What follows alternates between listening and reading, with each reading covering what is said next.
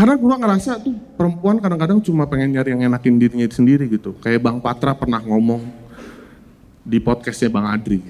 Kenapa cewek-cewek cuma memperjuangkan kesetaraan gender tuh pas dari zaman-zaman sekarang gitu. Kenapa nggak pas zaman perang dulu gitu. Karena mereka repot kan jadi harus ikut perang gitu. Itu Bang Patra yang ngomong ya bukan gue. Tapi menurut gue benar juga gitu. Iya juga ya. Tapi ya di itu kan tertera bakal ada perang dunia ketiga. Ya. Jadi kalau misalnya cewek-cewek nuntut kesalahan gender sekarang kita enak juga ya. Nanti pas perang dunia ketiga yang perang cewek gitu. Soalnya lu perang lu. Katanya setara. Kita mah nyuci piring aja nih. Katanya nyuci piring bukan cuma kerjaan cewek. Perang lu gitu. Kita di dapur umum aja masak. Masak bekel kasih. Sana sana perang.